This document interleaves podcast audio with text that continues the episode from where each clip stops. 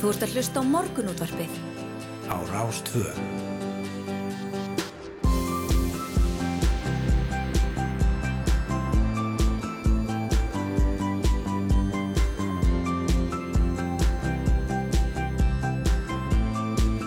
Morgunútvarpið Á Rástvö.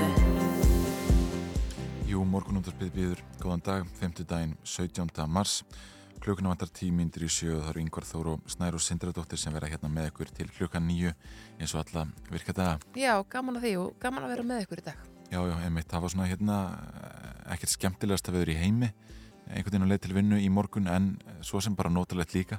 Já, já, algjörlega. Það er uh, snjókoma og ég ímynda mér að færi hafi spilst svolítið í efri byggum, mér skilst að hellisegðins í lókuð. Já, En, uh, við fyrir alltaf rækilega yfir þetta alltaf eftir sjöfréttir. Nákvæmlega, en kannski bara verðt að taka það fram fyrir þá sem að hafa einhverjar áhyggjur að það er ekkert að færinu svona í neðri byggðum Reykjavíkur.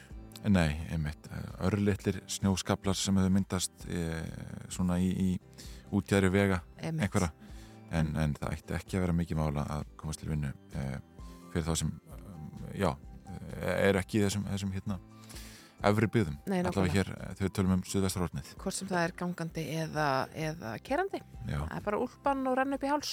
einmitt, en við ætlum að ræða margt um mikið þetta dagsins. Í byrjun þáttar ætlum við að ringja til Grindavíkur.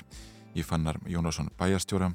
En grindvikingar og, og vogamenn ræða nú um hugsanlega saminningu sveitarfélagana tvekja og ekki er útilokkað að fleiri sveitarfélag á sveðinu taki þátt í viðræðanum og við ætlum að ræða við fannar um eh, já, kosti og galla saminningar og áhrif á íbúa og síðan er það Suðureyri Já, einmitt, við ætlum líka að ringa vestur á Suðurveri en fyrir viku síðan þá kom upp alvarlegur óljuleki þar þegar díselolju lagur niðurgröfnum tanki við kyndistöð Orkubús vestfjörða. Heilmikið hreinsunar starf hefur farið fram í bænum og sérstaklega í bæjar tjörninni en uh, það er slökkvilið Ísafjörða sem á vegu að vanda að þeirri hreinsun. Ætlum að ringja vestur og heyra í slökkvilistjórnum Sigurða Jónssoni. Ég veit að það verður íbúafundur á morgun á Suðureyri uh, til þess að ræða þannig að leka. Það barst bara megn óljulegt yfir allan bæin þegar að- að lekin kom upp og það var svona, já, það var svona eins og ég sagði niðurgrafin tankur þannig að, hérna, að fólk hafði mm, áhyggjur af umhverfs áhrifnum. Þetta er nú ekki fyrst skipti á stuttum tíma sem Nei, að sem að legur úr svona niðurgrafnum tanki það var hús ekstar Norðurlandi sem að var ónýtt mm út af þessu af því að það lag úr, úr tanki bennstöðvar í bænum og það bara það lag þannig í jarðveginum að það var íbúðarhús sem var bara í raun og veru óíbúðar hæft vegna þessa. Já, já, þetta var á, á þetta var húsfimmanna fjölskylda á Hofsósi, ef mér kallast ekki. Jú, það Eh, við ætlum að að fjalla um Úkrænu áfram eh, í þættinum í dag, eins og við höfum gert reglulega síðustu daga, eh, eðli málsins samkvæmt, en andstaða við innrásina í Úkrænu og fristing forða rúsneska seðlabankans hefur breytt heimsmynd okkar og fært stríðsátök innrásarinnar að samhliða yfir í alþjóðlega peningakerfið. Þetta segir Ásker Brynjar Torfason, doktor í viðskiptafræði og sérfræðingur í fjármálum í nýleiri grein í tímaritinu Vísbendingu. Og við ætlum að ræða við Áskerum efnags aðgerðir og viðskipta þvinganir vegna innrásarinnar sem Ásker segir þegar hafa fært Rúsland í meiri einangrun en Írak og Norður Kóru. Það er ótrúlegt. Já, Við ætlum líka að ræða uh, við Brynjhuld Óskarsdóttur Öryggis og Varnamála sérfræðing upp úr klukkan 8 svona bara um framtíð og stöðu allþarfsbandalagsins en Vladimir Selenski, Úkræni fórseti greindi frá því gernótt að Úkræna væri líklega ekki á leið í NATO í fyrirsjánleiri framtíð. Um, það er auðvitað svolítið svona talaði þá átta að hérna að fyrirhugu eða hugsanlega inganga Úkrænu í NATO sé það sem að sé kveikjana því af þessum hérna ofsaviðbröðum og stríðsklæpum rússa þar í landi. Þannig að hérna, þetta er tölverð breyting á sko, hans málvotningi frá því sem var. Já, já, einmitt. Og síðan er það, það búsettu úrræðin fyrir ósakhæft fólk. Já, vinnar hafum við að koma á slíku búsættu úrræði eða bara húsnaði fyrir ósakæft fólk. Það er að segja fólk sem að broti hefur alvarlega af sér en er metið ósakæft af domstólum vegna andlegra kramkleika einhvers konar. Þetta fólk hefur hingað til verið vist á réttageldildinni sem núna er stærst á kleppi en hugmyndir eru upp um að húsnaði ósakæfra verði Reykjanesbæ. Við ætlum að fá til okkar Nönnu Brím, forstuðmann geðsviðs landsbyttalans og heyra hvernig þau sjá fyrir sér að úrræði nýtist og hverju það breyti fyrir störf réttargeðdildarinnar. Einmitt. Og um, já, í lók þáttar ræðum við það sem margir eru að velta fyrir sér þennan morgunni, það er veður og færð. Já, Allvíða má búast við suðaustan kvassviðri eða stormið með snjókum og skárinningi fyrir hátegi og strax í kjölfarið á skilunum kemur kvass suðvestanátt með dimmum, jælja hriðjum og, og um, skárinningi þar sem skikni og færð getur vestnað hratt og það eru gular veður viðvarinir í gildum allt land eh, vegna þessa og færðalangar ja, hvað til að skoða veðurspá sem við förum veldskuld betur yfir hérna eftir sjöfrættir en við ætlum að heyra í helstu viðbrags aðilum vegna veðursins í lok þáttar þegar margir eru á leitri vinnu. Já, emitt, gaman því, eða svona, eða þannig. já, já, þetta er alltaf það sem fólk þarf að huga að í morgunsárið því meður einhvern veginn ennþá við um, enn eftir að, að hérna, taka móti vorinu. Já, en hvað var það, 24.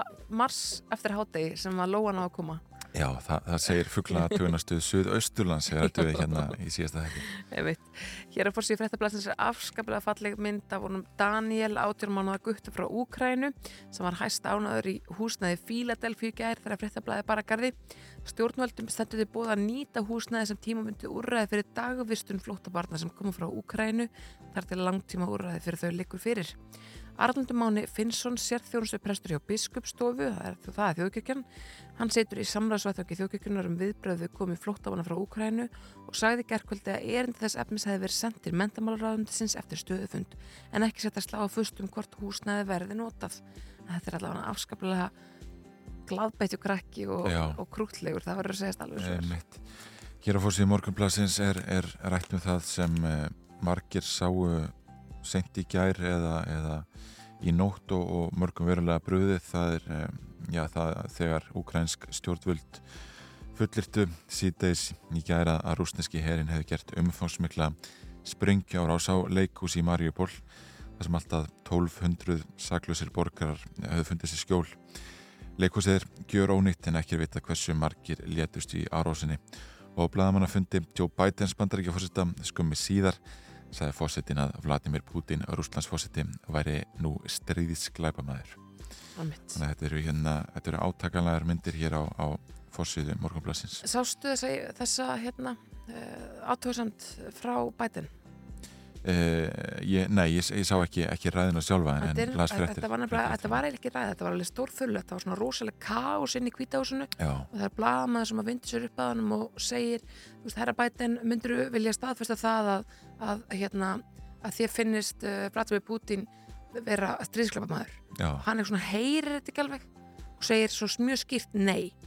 Svo fer hann með uh, sko hérna sínum lífverðum og, og leinum þjónustu og kemur svo tilbaka og segir afsakið, var það þú sem varst að spurja mig hvort að mér finnst Putin vera stríðsklapamæður mm. já, já, mér finnst það vera stríðsklapamæður þetta var alveg ótrúlega skrítin sena Já. og kom mjög illa út fyrir bæten, hann virkaði eins og ofta áður pílindur rugglaður Já, eflust hefur verið rætt við hann af eh, hans ráðgjöfum og sérfræðingum eh, já, einhver staðar í einhverju herbyggi sko, áður hann kom aftur út. Þetta er samt eitthvað svona augnabliks þetta, þetta gerist á okkur svona hálgjörðu augnabliki nót til þess að eitthvað getur kvíslaðan en ekki nót til þess að halda, halda eitthvað yfir stöðu fundum á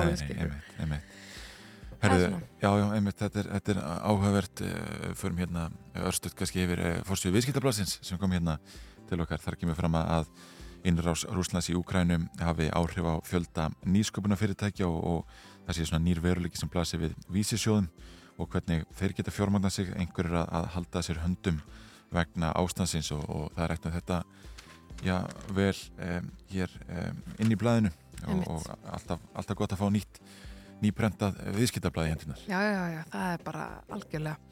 En við fyrirum að skipta yfir á fréttastofu og heyra hvað þau hinum með mig gangin hafa að segja okkur af tíðindum næturinnar og morgunsins og komum svo hér að vörum spórur fyrirum reglulega yfir veður og færð og það er full ástæð til þess að gera þessi. Það er dag. Kom hér eftir, eftir smá.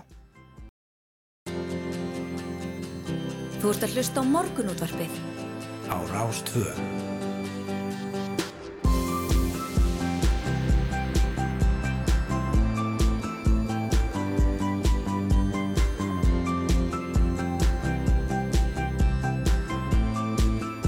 Morgunútvarpið á Rástföð Jújú, góðan daginn og uh, áframhaldum við hér í morgunútvarpinu Snæra Sundardóttir og Yngvar Þór Björnsson Við ætlum að fara yfir ansi margt og mikið í dag. Við ætlum að uh, enda þáttin á að fara aðeins yfir færð og veður svona enn betur heldur en við gerum núna.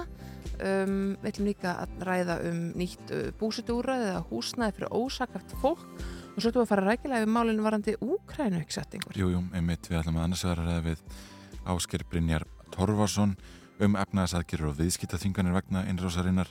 Ásker segir að þær þegar hafa fært Rúsland í meiri einangrun en Írak og Norður Kóru og síðan ætlum við líka að ræða við Brynjuhuld Óskarsdóttur, öryggis og varnarmála sérfræðing um já, framtíð og stöðu allarsafsbandalagsins. Einmitt, já, gaman að því.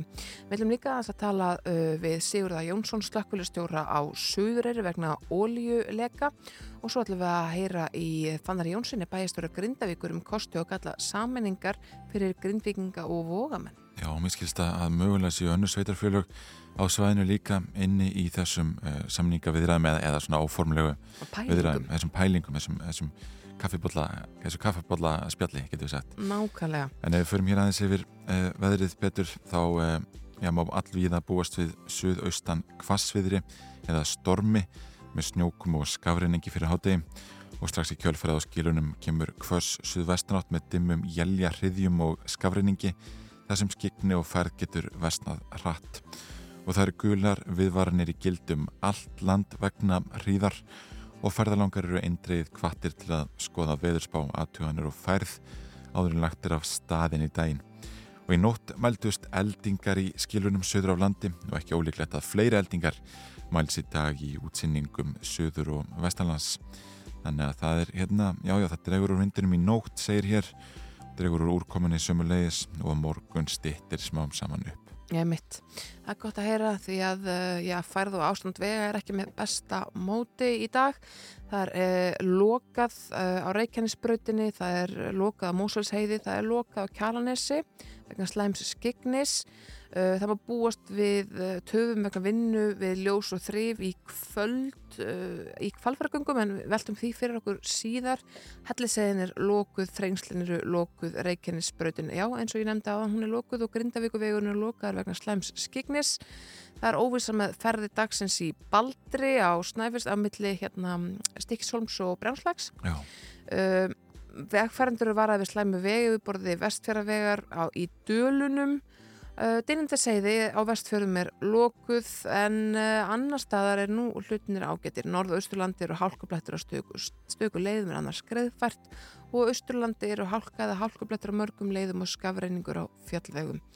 Þannig að uh, fyrir ykkur sem að búið í nákarna sveitafélagum höfbruksveðsens og eru vun að vera í vinnu hér, þá er ég borgar sér bara að nota heimavennu tólun í dag. Já, já, allavega fylgjast rækilega með e, nýstu upplýsingum á, á VF annars vegar viðstofunar og, og við að gera það reynar. Já, mitt. Það er bara alllokað sem stendur vegna íminst mm. skegnis eða, eða vegna snjóþingsla. Það er bara þannig. Uh, mitt ættur í huga við ættum kannski að heyra eitt lag. Já, einmitt. Þetta er uh, svona gammalt og gott, getur við sagt. Já, að ganga svo langt. Já, að fyrir okkar kynsla, þá er þetta orðin, orðin klassík. Jú, jú, það er rétt. Þetta er Little Talks með Of Monsters and Men.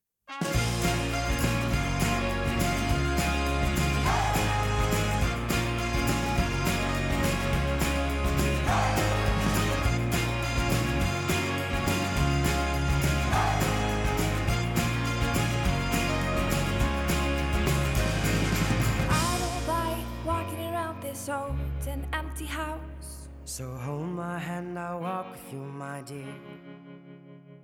The stars creak as you sleep, it's keeping me awake. It's the house telling you to close your eyes. And some days I can't even trust myself. It's killing me to see this way.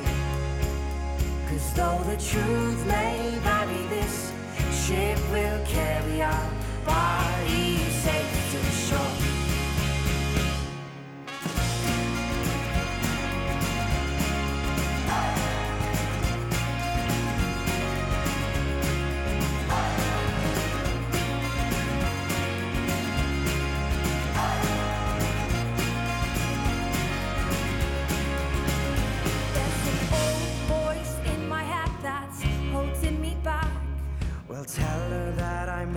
our little talks. Soon it will be over and buried with our past. We used to play outside when we were young and full of life and full of love. Some days I don't know if I am wrong or right. Your mind is playing tricks on me, my dear. Cause though the truth may bury this ship will carry our bodies. Don't listen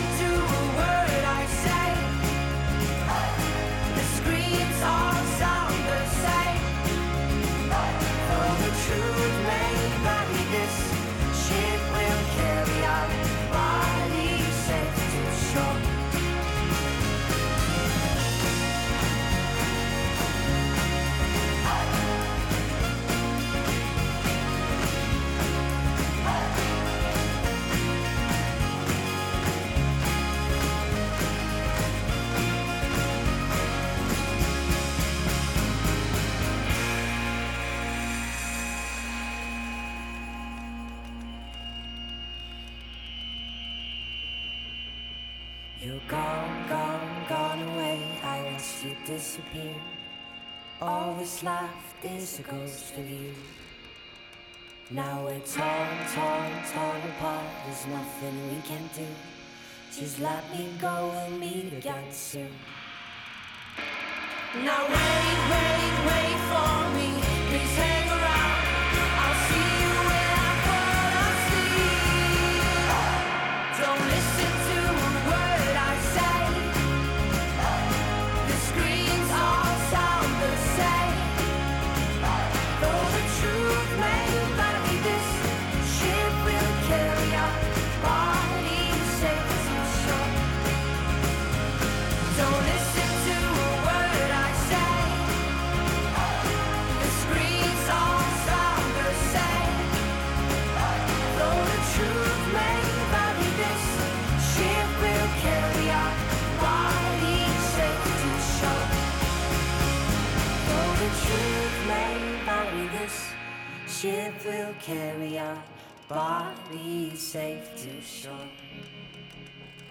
Though the truth may vary, this ship will carry our bodies safe to shore. Jú, jú, við skoðum alltaf uh, já, blöðin uh, á mótnana hér á milli 6.57 og rekum augun oft í einhvað skemmtilegt þar. Hér á annari síðu fréttablasins kemur fram að uh, að gera maður ráð fyrir því að rúmar þrjár miljónir bandarækjumanna hafi séð bachelor þættina í línulegri dagskrá auk þessi mikill fjöldi horfir á streymisveitum og það skiptir máli fyrir okkur Íslendinga vegna þess að, að mér skilst að loka þátturinn eða loka þættirnir eru teknir upp hér á landi. Já, það, já, sérst, ég held að þessu tveir síðustu lokaþættinir, ég er endar horfi ekki bachelor en, en hérna, en ég er aðeins búin að taka eftir þessu. Uh, þeir voru teknir upp hér á landi og sérfræðingar sem komið framlýslega þáttana eru sammálum að landkynningin sé verulega verðmætt, Mhm. sérstaklega hún sætis Kolbrún Steinsdóttir sem að er hjá Trú North og um, og Guðmundsdóttir fagstöru ferðarþjónustunum hjá Íslandsstofu. Það segja að það meikir ráð fyrir að rúma þrjár miljónum bandarækjumann hafa séð þess að þetta.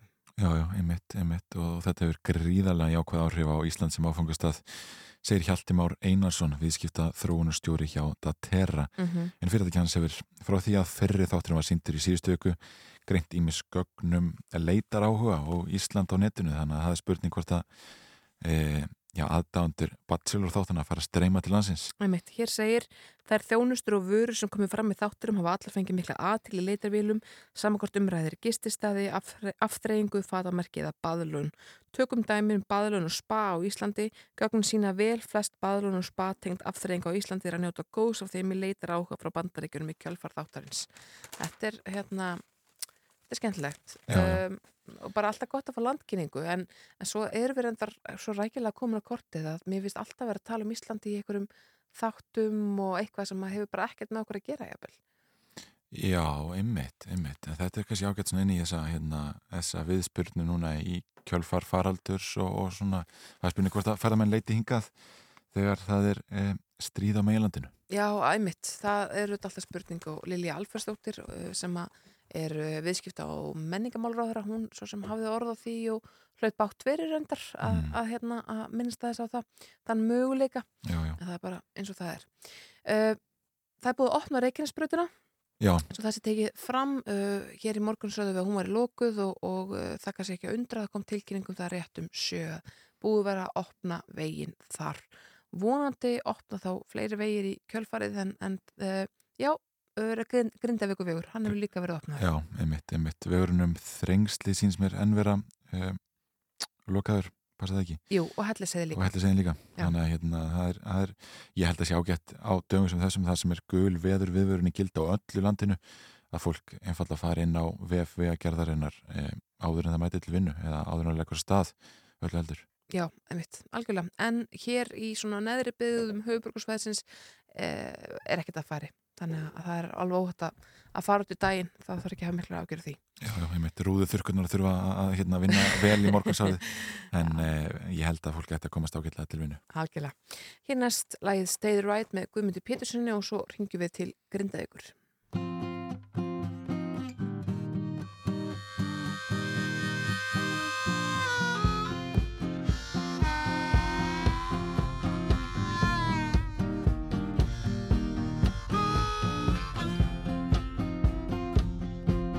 fell right back on your back, let it slide through the door.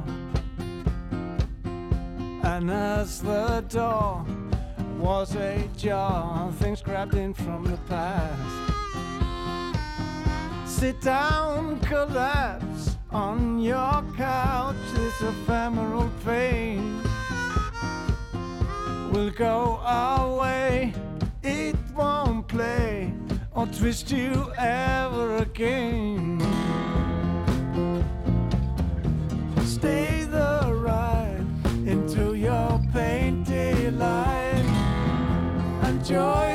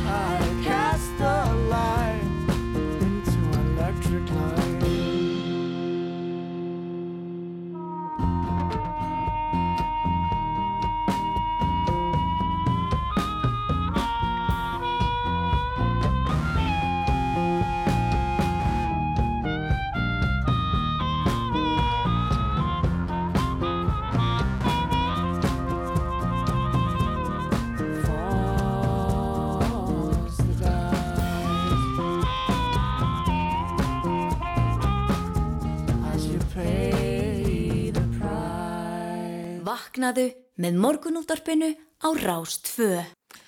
Og fannar Jónasson bæjastjóri Grindavíkur er komin á línuna, við ætlum að ræða aðeins, já, hugsanlega samanningu grind, eh, já, Grindavíkur og, og Voga. Eh, góðan daginn fannar.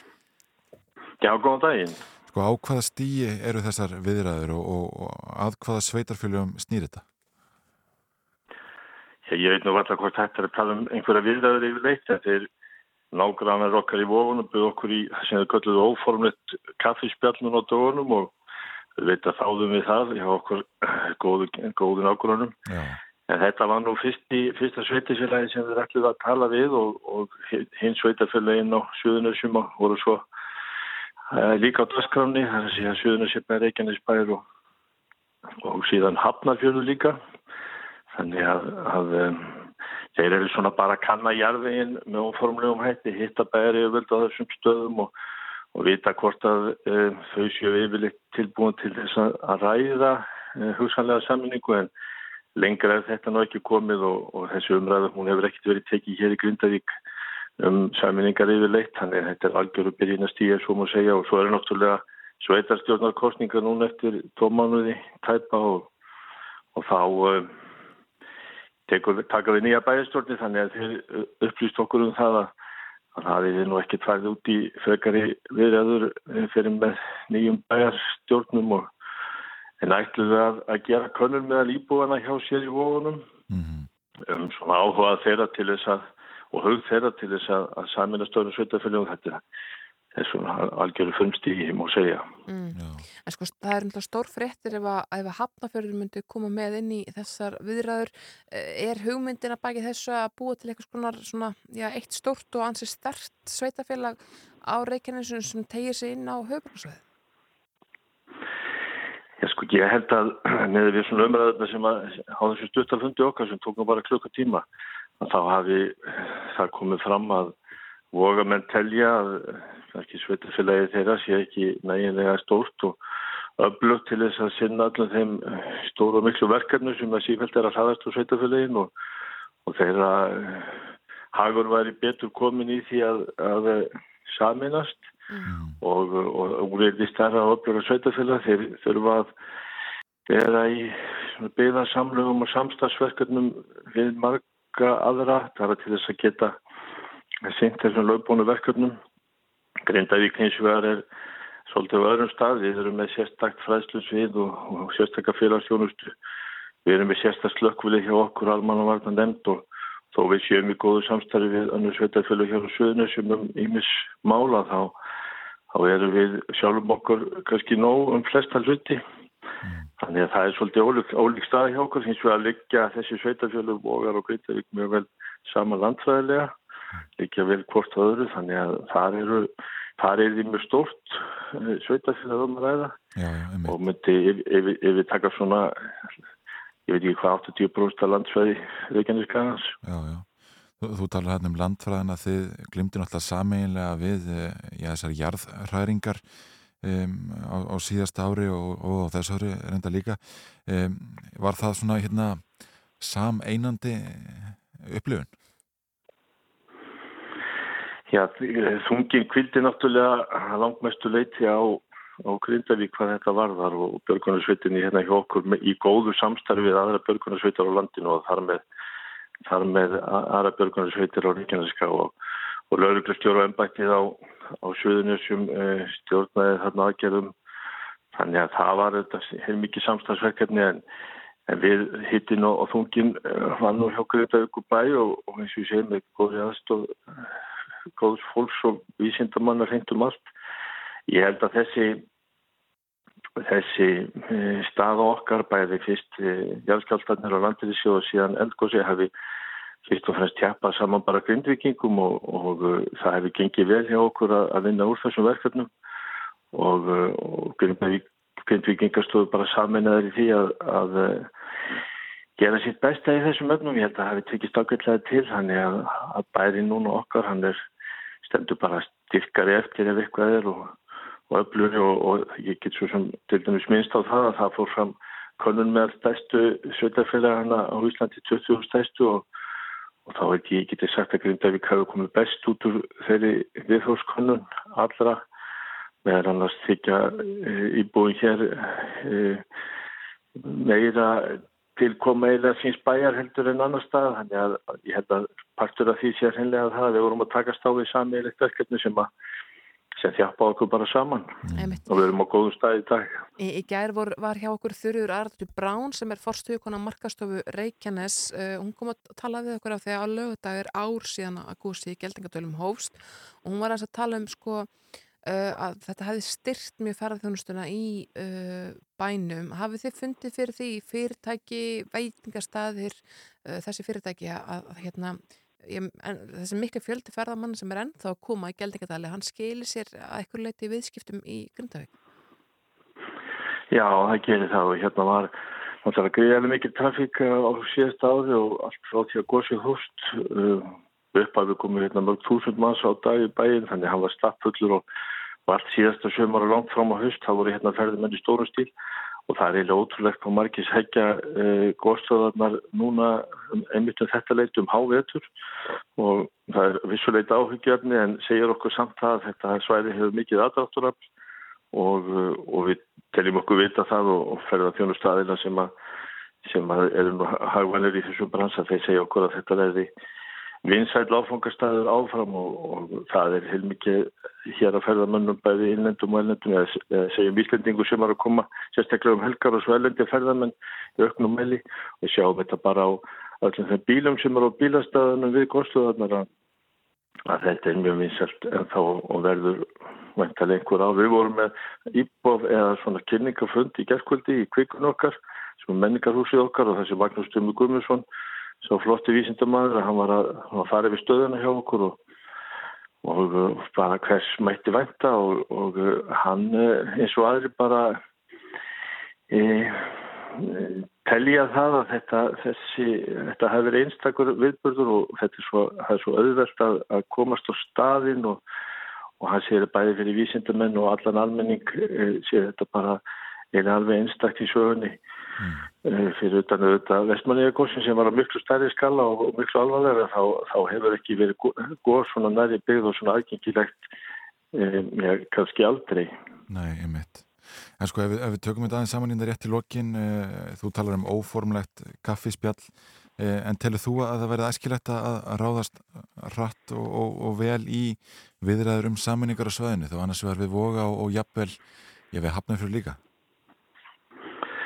Ég held að það sé ekki vanlegu kostur að vera ráðast til að satt í slíkt. Það, það er ekkert sem að kallar á sérstakar saminningu allavega ekki á okkar halvi hérna í Grindavík og þá eftir að fara fram valkostagreining og, gera sér bara grein fyrir áhrifum á, á sameilega restur og efnahag, fjárfestinga þörfina og eftir og fjárfestinga getur sveitafélagana og áður að tikkin er upplýst ákvörðun um þetta eða yfirleitt eitthvað framhald þá þarf að fara fram slík greining til þess að mann viti hvernig verður framtíðin það er til skamstíma liti og svo lengri tíma liti þannig að þetta þarf að bara í, í grunda þetta mjög vel áður en að lengra er haldið að mínumatti.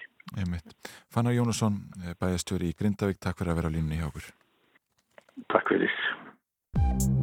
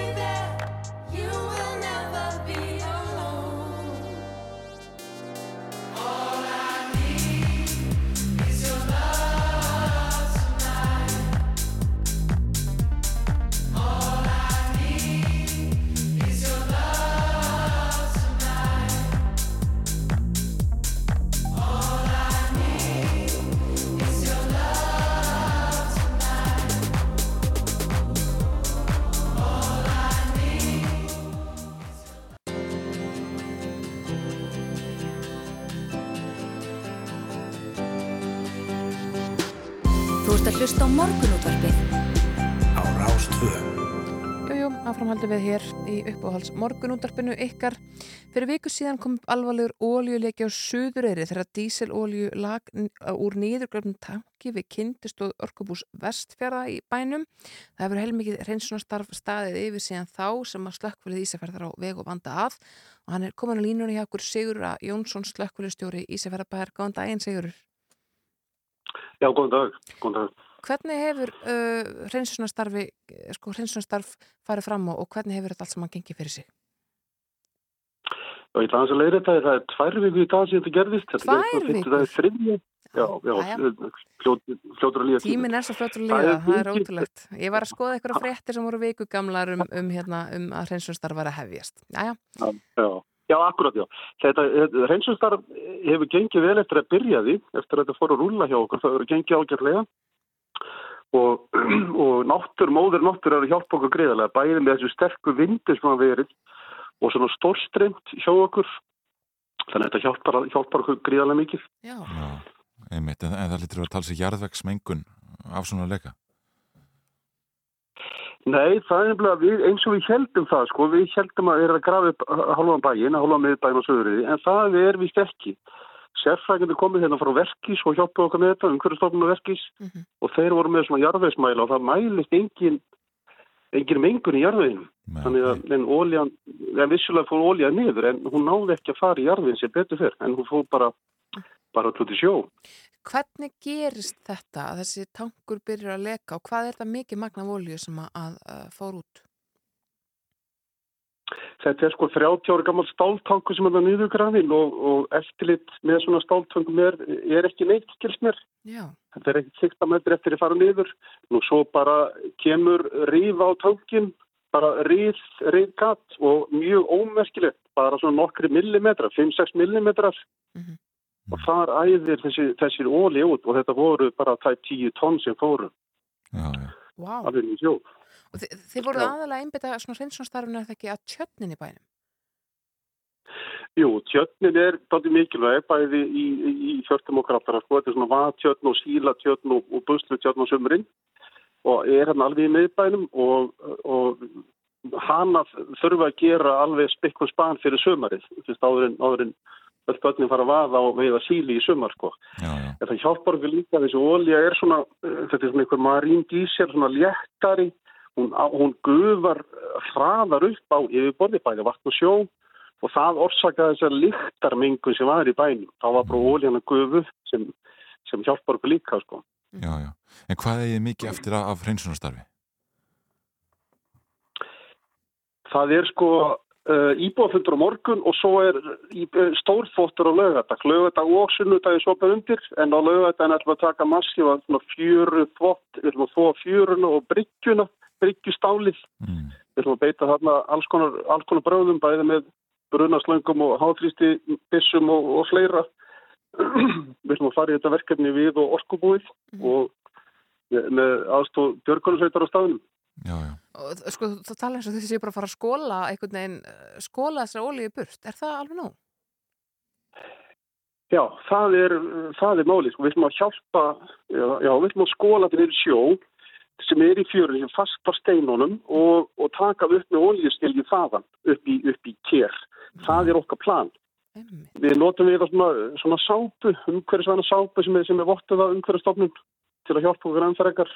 En, en, en vissulega er þetta- er skrítið að standa niður í fjör og sprauta til sjó, vissulega. Ekki tímyndi við það. Mm. En, en sko þessi mengun, hefur hún einhverja lang, langtíma afleðingar?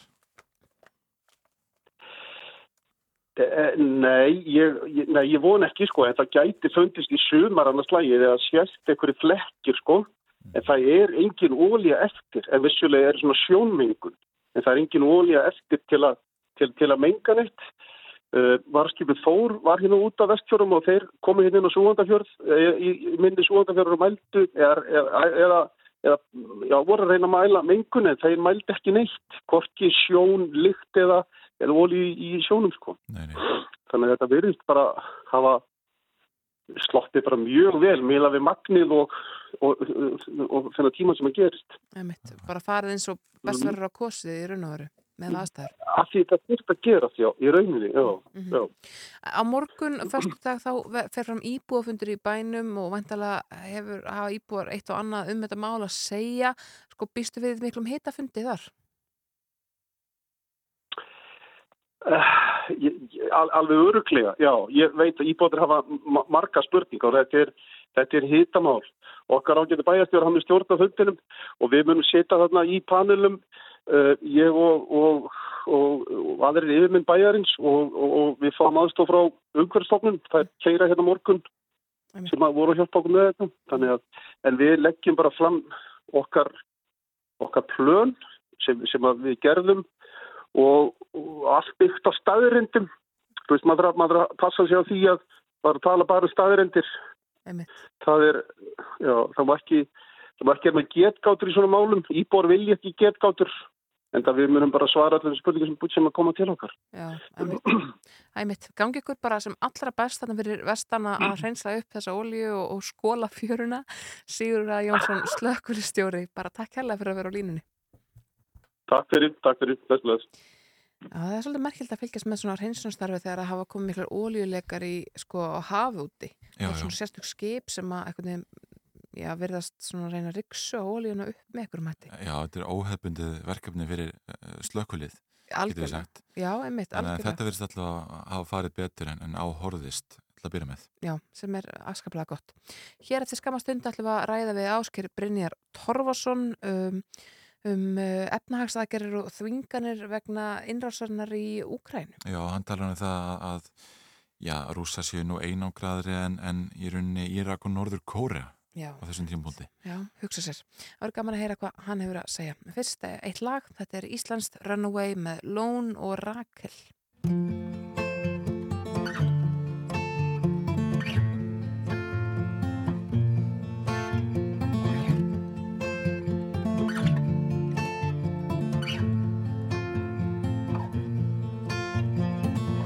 Tired street lights Trying to pull away from the ground, waiting in line to kill the time. Worn down storefronts, no one's put the flag up for years. I don't know why, but no one seems to care.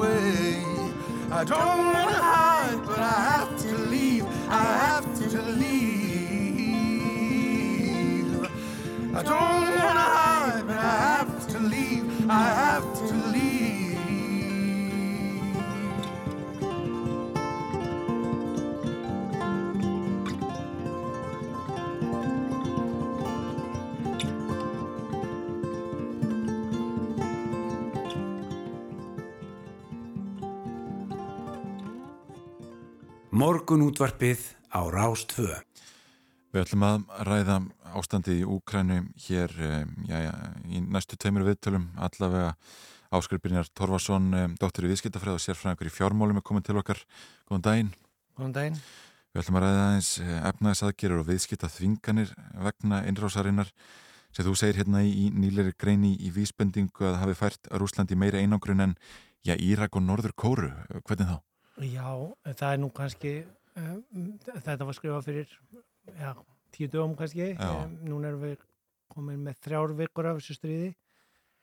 Um, og eiginlega frá því að komin að síðastilka sem vorum bara á öðrum degi að þá hafa náttúrulega þessar efnaðsaðgerðir orðið miklu öflúri mm. og, og viðameiri en, en hægt var að búast við og sérstaklega sko bara sjálfvelju og aðgerðir fyrirtækjana sem bara lókuðu eða hættu eða dróðu sér úr landinu eða sjóðir sem hætti að fjárfesta þar þannig að það einangraðist uh, svo svakalega mikið Rúsland, svo svakalega hratt mm. þeir eru náttúrulega með tengingu uh, Austrábóin og Vikína og, og uh, hérna lönd þar en það er mjög erfitt að sjá að það kom í staðin fyrir heilmikið af hlutum, þjónustu, vörum, íhlutum sem þeir þurfa í sína framleiðslu, tækni búin á þess að þar uh, varluti flugveilar og þess að þar. Þannig að þeir, já, það, það urðu allir mjög fúlir út í þá mjög hratt, já. þannig að þeir einanguruðust á mjög mörgum sviðum.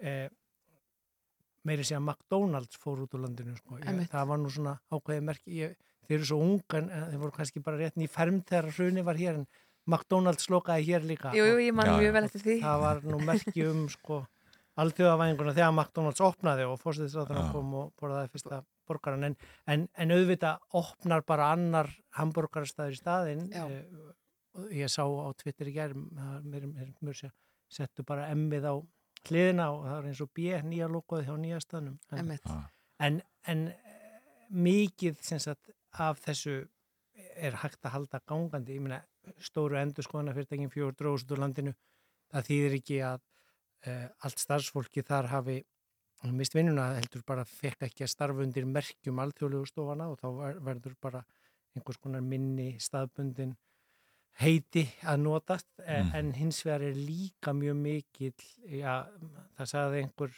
í viðtalsins ekki bara spekilegi heldur bara heila blóðfall já. það er að segja mjög mikið af fólki eh, vill koma sér bara burtu eða verður að koma sér burtu eða það er að En, en þar sem maður veldi fyrir sér að, að þessi viðbröð hafa vissulega verið uh, svona tiltöla sterk í viðskiptalífinu sko bjóst uh, Ríkisjóðun Rúslands ekki við þessu?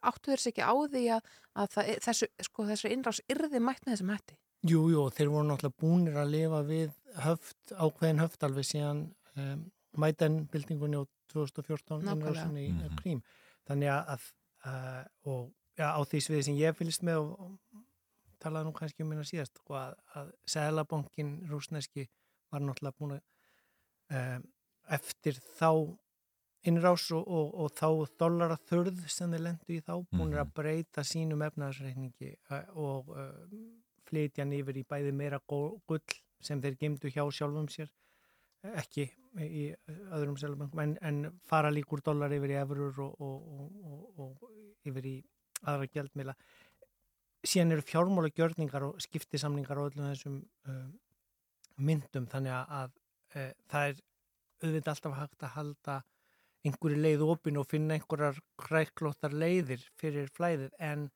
ég, ég held að uh, sko þeir hafi eflaust einhver leiti verið búin að byrja sig upp. Bæði á fjármálasviðinu og bara líka á vöru og herbúnaðsviðinu uh, allt rúsneska hagkerfi var í raun og veru búið að vera einangra sig frá 2014 þannig að ef, þeir gáttu ekki fengið að kaupa vín frá Fraklandi þá voru þeir farinir að rækta vín. Eh, geitaost voru þeir farinir að rækta í fyrir að flytja inn. Þannig að, en ég held að þeir hafa ekki kannski að, að, að hafa bara svona út frá því sem ég hef lesið í, í Bloomberg og Financial Times og þessum blöðum ég held að þeir hafi kannski ekki alveg verið viðbúinir svona miklum aðgjörðum og, og það að eignarhald var lagt á forðan Já, var, var nú svona held ég kom í mjög opna skjöldu nú síðan aðgerðina gegn þingmönnum og ólíkorkum Mm. voru óvenju miklar og sterkar en, en þær, þetta fylgir náttúrulega allt henni logformlegu leið þannig að það er ekkert víst að allir domstólar í öllum löndunum þar sem er búið að haldleggja þessa hluti heimili síðan að, að, að þeir séu þeim séu haldið og þeir séu teknir Mm. það getur verið að þurfa að skila þeim ég menna ef ég vísa aftur í hérna li- litlu krísuna sem við höfum 2019 þegar flugfélag fór á hausinn að þá leggja kröfuhafar hald á eina flugvél sem var hér Já, já. á, að, upp í, upp í uh, ógreitt uh, gjöld og mörg sér kröfuhafan að rífast um hérna á sá sem á ógreitt löndingagjöld að fá að halda flugvélinni eða, eða sá sem uh, lánaði og viljum að setja veði fyrir þannig að þetta er bara hinn lókformlega leið réttar Mm. uh, ríkisins og réttarkerfisins sem að kannski uh, tefur málun en uh, það sem að kannski síðan má alls ekki gleyma að þrátt fyrir allar þessar hörðu aðgerðir og, og já, það sem koma óvart og í raun og veru hvað, hvað landið einangrast og já, færist aftur um 20-30 ár efnaðslega á bara einni, tveimur vikum Mhm. um, og við sjáum það bara herðast núna uh, á, þrjárvikur og stríði heldur áfram. Við vitum ekki hvort það verði sami vopnarliða friður eða hvort það verði í viku í viðbúti eða marga mánuði í viðbúti eða mörg ár. Það er ómögulegt að vita en, Mhm. en eh, hömlunum, höftunum og þvingunum er hægt að halda ótrúlega lengi eins og sagan sínir. Hins vegar aðalatriða undan þáunar í þöllum þessum aðgerðum gera það að verkum að það flæðir nógur peningur inn í Rúsland e, e, af því að það flæðir ennþá gas út úr Rúslandi. Já, já. Þannig að, að það voru undan þá bæði á sviftömlunum og, og öllu greiðsluflæðinu fyrir greiðslur fyrir orku Mhm. uh, og e, þannig að, að það, það er í sjálfu sér já, búið að ná að verja falli rúblunar, það er bara búið að búið að þar núna sá ég fréttunum ekki er hækkun á líferi sem þeir gera bara með því að prenta einn penning. Já. uh, en þeir, þeir áttu að borga stóran gjalda í gær uh, Rúsland á, á vakstakreislur á, á ríkiskuldir í erlendri mynd þá voru þeir bara búin að segja að þetta borgaði rúblum Já. sem alltaf brot á samningi það var ekki beint komin almennileg niðursta það varði ekki droslegt panik því það voru öll uh, matsfyrirtækjum búin að reikna með 70% líkur á þróti Mhm. um, það hefur ekki orðið svona þrótt síðan í bólsvíkja byltingunni 1917 en þeir fóru eins var í þrótt eftir Asíukrísuna 1998 í uh, greiðslu á uh, innlendum skuldum Já. Já. uh, en, en þetta bara verður að Já, já. fara- haf- aftur þar fer þetta ekki sín lókformlega gang uh, og, og uh, kannski margir lánuveitindur byrjar að afskrifa allavega hluta af þessu Já, já. En við tölum alltaf tölvert um, um áhrif þessa á þjóðabúið og, og stjórnvöld í, í Rúslandi. Þetta betur náttúrulega tölvert á, á venjulegu fólki þar í landi og þú tala til að mynda um það hérna í, í greininni að já, það þurfi ígildi marsjál aðstóðurinnar, bæði til að, endurbyggja Úkrænu og Rúsland eftir þetta. Já, ef við erum að hugsa fram í að, að ef það verður friðarsamkomulag fljótlega og það verður síðan hægt að stoppa þetta að þá er, er náttúrulega skaðin eh, augljós í, í Úkrænu það sem er bara búið að sprengja niður húsin og, og, og skemma. Það er reyndar helst ótrúlega vel gangandi margir hlutir í Úkrænu í gegnum stíðis, almenningssamgöngur, neðanjarðar, lestina ganga, uh, þeir voru að tengja sig yfir á evrópska raforkunetti í gær, Já. hættir að vera háðir rafmagni frá, frá Rúslandi. Mhm. Þannig að e, það, það, er, það er, og þeir verðast vera með mjög öflugar svona vörustjórnun og flæði. Ég sá rektorinn í, í Hagfræði háskólanum í Lviv er bara á fullu með sí, sínu fólki að að stuðla að flutningi hjálpagagna, þeir náttúrulega gefa út skuldabrif ukrainski ríkisjóðurinn hverju viku Mm. uh, og, og er ekkert í vandrað með að fá innflæði þar þó að, þó að hérna mm, kannski þeir sem lána í það viti að það sé nú kannski ekki alveg víst að það verði allt borgað að fullu. En hvað með veist útflutningi þeirra? Ég meina, þeir eru þessi bröðkarfa Evrópu og svo framvegis. Það, er það ekki að bregðast? Jú, það er hræðilegt náttúrulega talandi um almenning ekki bara í þessum tveimur löndum heldur líka í hinnum fátakari löndum heims og náttúrulega í öllum löndum fyrir maður að verða upp en það er sérstaklega í hinnum fátakari löndum heims það sem að, já, hjálparstofnarnir sem kaupa korn get ekki kipt eins mikið. Já. þannig að það er, það er beinlýnis fólk sem að fer að svelta öllum líkindum vegna þessar hækkaða verðs á korni og það sem ennþá verra er að, að sáningartímabili er vist að byrja og það er ekkit verið að sá í kornagrana í Úkrænu núna, traktorarnir eru að draga skriðdrega í burtu og það mun þá verða uppskeru brestur á næsta ári sem Já. mun valdaði að verði verður líklegast áfram hátt þar þá uh, þannig að þetta er svona hvað maður að segja uh, uh, annarstiks afleðingarna sem af þessu hljótast en, en við, við sjáum augljóslega að það þurfi miklu uppbyggingu í Úkrænu hins vegar það sem ég var að benda á í greinin er að það er búið að kremja efnahag Rúsland svo mikið með þessum aðgerðum og þegar það bæðir flótti uh, umbreyting þeir hafa líst í yfir þar að þeir ætli bara að leggja eignarhald á uh, það sem var skilið eftir, hvort sem það eru flugvelar sem eru eigu ykkur að leigu fyrirtækja eða vesmiðurnar sem voru BMF-labbaði bara burtu og skildi eftir að þeir ætla bara að þjóðvæða það eða taka það yfir, Mhm. koma rekstrinum í ganga aftur uh, það verður náttúrulega heilmikil eðilegging óbein og bein við það og, uh, og uh, efnahagurinn hjá almenningi í Rúslandi fer mjög illa við allar þessar aðgerði þannig að það er mjög líklegt ef að það verður líðræðisríki Mm. eftir uh, þessum hörmungum öllum líkur að þá þurfi aðstóð, já, begja megin výlínunar við uppbyggingu. En þá eru Vesturlund einhvern veginn farin að borga fyrir eigin resaðgerir.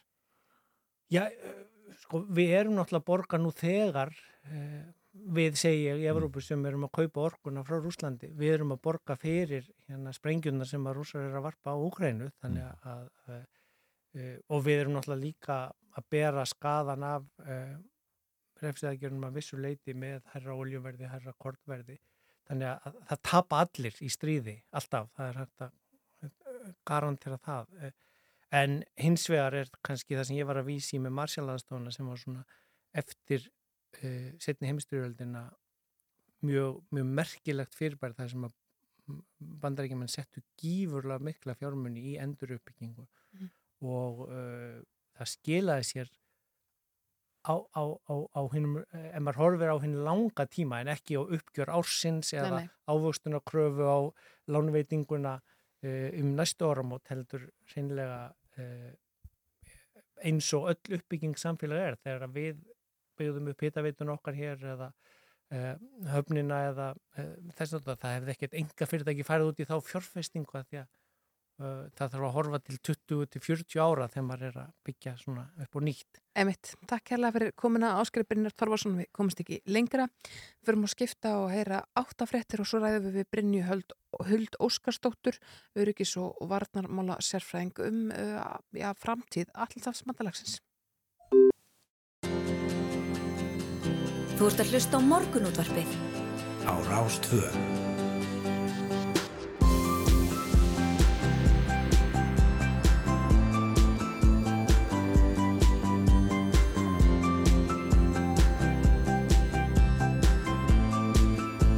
Morgunútvarpið. Á Rástvö. Jújú, áttafréttir að bækja morgun útvarpið heldur hér áfram. Við vorum að ræðið Áskil Brynjar Torfason um uh, jafnags aðgerur og viðskipta þvinganir vegna innrásar rúsa í Úkrænum og næst ætlum við að ræða við uh, Brynju Huld Óskarstóttur Öryggis og Vartanmála sérfæðing um, um stöðu og framtíð allarsasmandalagsins. Emmett, fyrst ætlum við að fá uh, svolítið skemmtilega tóna. Þetta er jafnvel þó við þekkjumst ekki neitt með Páli Óskari.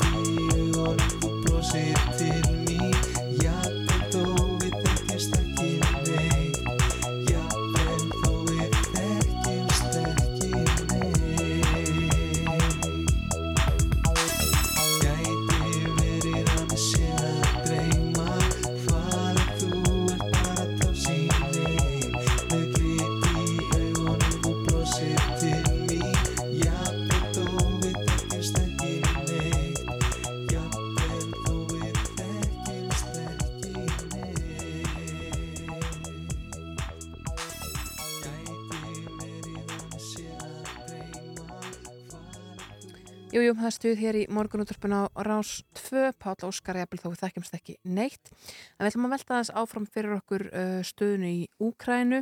Í gær þá sagði, eða gær nótt, uh, sagði Vlótumir Silenski Úkrænu forseti að uh, Úkræna væri líklega ekki á leið inn í NATO í já, neitni náinni framtíð. Hún er komininga til okkar Brynni-Höld Óskarsdóttir Öryggis og Varnamála sérfræðingur sem hefur raunar starfa fyrir allsafsbandalæð í Afganistan á einhverjum tímpunkti en uh, já, vinnur nú við bara eitthvað allt annað. Ertu velkomin Brynja? Sæl, takk. Uh, segðu okkur aðeins frá þessum uh, bara, já, þessum tíðindum í gerð að Úkræna mun líklega ekki fara inn í NATO í fyrirsjáanlegri framtíð. Hvað, hvað þýðir þetta og hvað er breytt frá því fyrir tveimur, þreimur vikum þegar stríðið hófst? Sko, um, ég þurfum svona aðeins kannski svona stíga aðeins hérna nokkur skref aftur og bakk í Mhm. rauninni það sem gerist ekki er að hann hérna Vlodomir Zelenski, fórseti hérna Úkræni segir eða í rauninni segir eða viðurkennir meira að hann sé búin að átta sig á og að úkrænska þjóðin sé að átta sig á eða viðkennir ópenbarlega að Úkræna sé ekki NATO-land og sé ekki sérst, og muni sennilega aldrei verða það. Um, ég svona fer varlega í að segja að þarna sé ykkur strömmkvörf uh, þanniglega þegar ég held eins og margir hafa kannski réttilega benda á undarfarnar kannski svona vikur eða, já, vikur eða mánuði að kannski var Úkræna aldrei á leiðinni inn í NATO þó svona hafi vissulega viljað það og NATO sé með það sem heitir Open Door Policy þá kannski svona í real pólitíkinni hafi kannski e, mögulega ekki alveg endilega verið að Úkræna væri leiðin að hann og það er í rauninni það sem að Selenski er að segja þessum fundi í gær hjá uh, í rauninni nyrðustu löndum hérna, þeir eru sérst löndin sem voru á þessum hérna, Joint Expeditionary Force fundi uh, meðal annars sem að Ísland á meðal annars hérna, þátti, þetta er nyrðustu löndin í Evrópu ásand Svíþjóð eða nyrðustu löndin í Allandsafsbandalæginu ásand síðan Svíþjóð Finnlandi Já. og hann segir þarna er ávarpa fundin sem var að heitast og segir já ætlið það sé ekki orðið ljóst í rauninni eða mm -hmm. í rauninni myndi ég segja sko það sem ég myndi lesa um þetta línan er mér er orðið ljóst að Úkræna er ekki NATO-land og verður það sennilega ekki í náni framtíð. Nei, en, en þegar við tölum um allarsasbandalagið, þetta er varnarbandalag sem einmitt með, hefur verið með svona, að segjast alltaf hafa verið með open door policy, að, sko, en síðan verist einhvern veginn vera að, að þetta sé bandalag þjóða og já, það, það er þjóðir sem líklar eru til að lendi í átökum, ég fá ekki að koma á borðinu.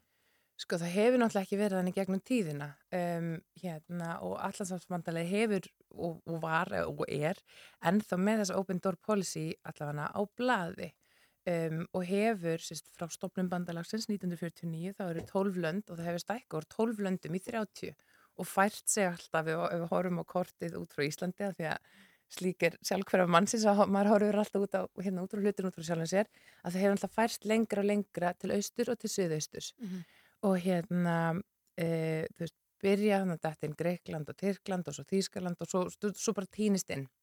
E, og í rauninni sko það sem að sérst gerist undir þegar að Sovjetveldi þetta er Sovjet, Sovjetríkin svona líðandi lok og hérna á Evrópi fyrir að opnast á tíndaratögnum þá þetta innfyllt af fleiri löndum þar á meðal Póland, Ungverjaland og hérna og Tjekkoslovakja og þá kannski svona byrjar svona þú veist, kannski ákveðin svona jú, svona ákveðin vandamála eða kannski svona um, þrýþættur vandi sem að NATO kannski var ekki búið að móta sér endilega stefnum en bara hversu langt ætlar bandalagið að stækka allir austur, mm -hmm. hverjir geta komið inn og hversu stórt getur NATO orðið án þess að annarkvört Rúsland fá að vera með eða Rúslandi líði eins og það því sé ógnað eða útilokað mm -hmm. og svona kannski þetta er svona partur af þessu vandamáli sem við erum að sjá spilast út í dag og ég er alls, alls ekki að segja að, hérna, að NATO sé um að kenna að, að, hérna, að Putin líði ógnað en þetta er svona, veist, þetta er í rauninni að þurfum að tala um þessu open door policy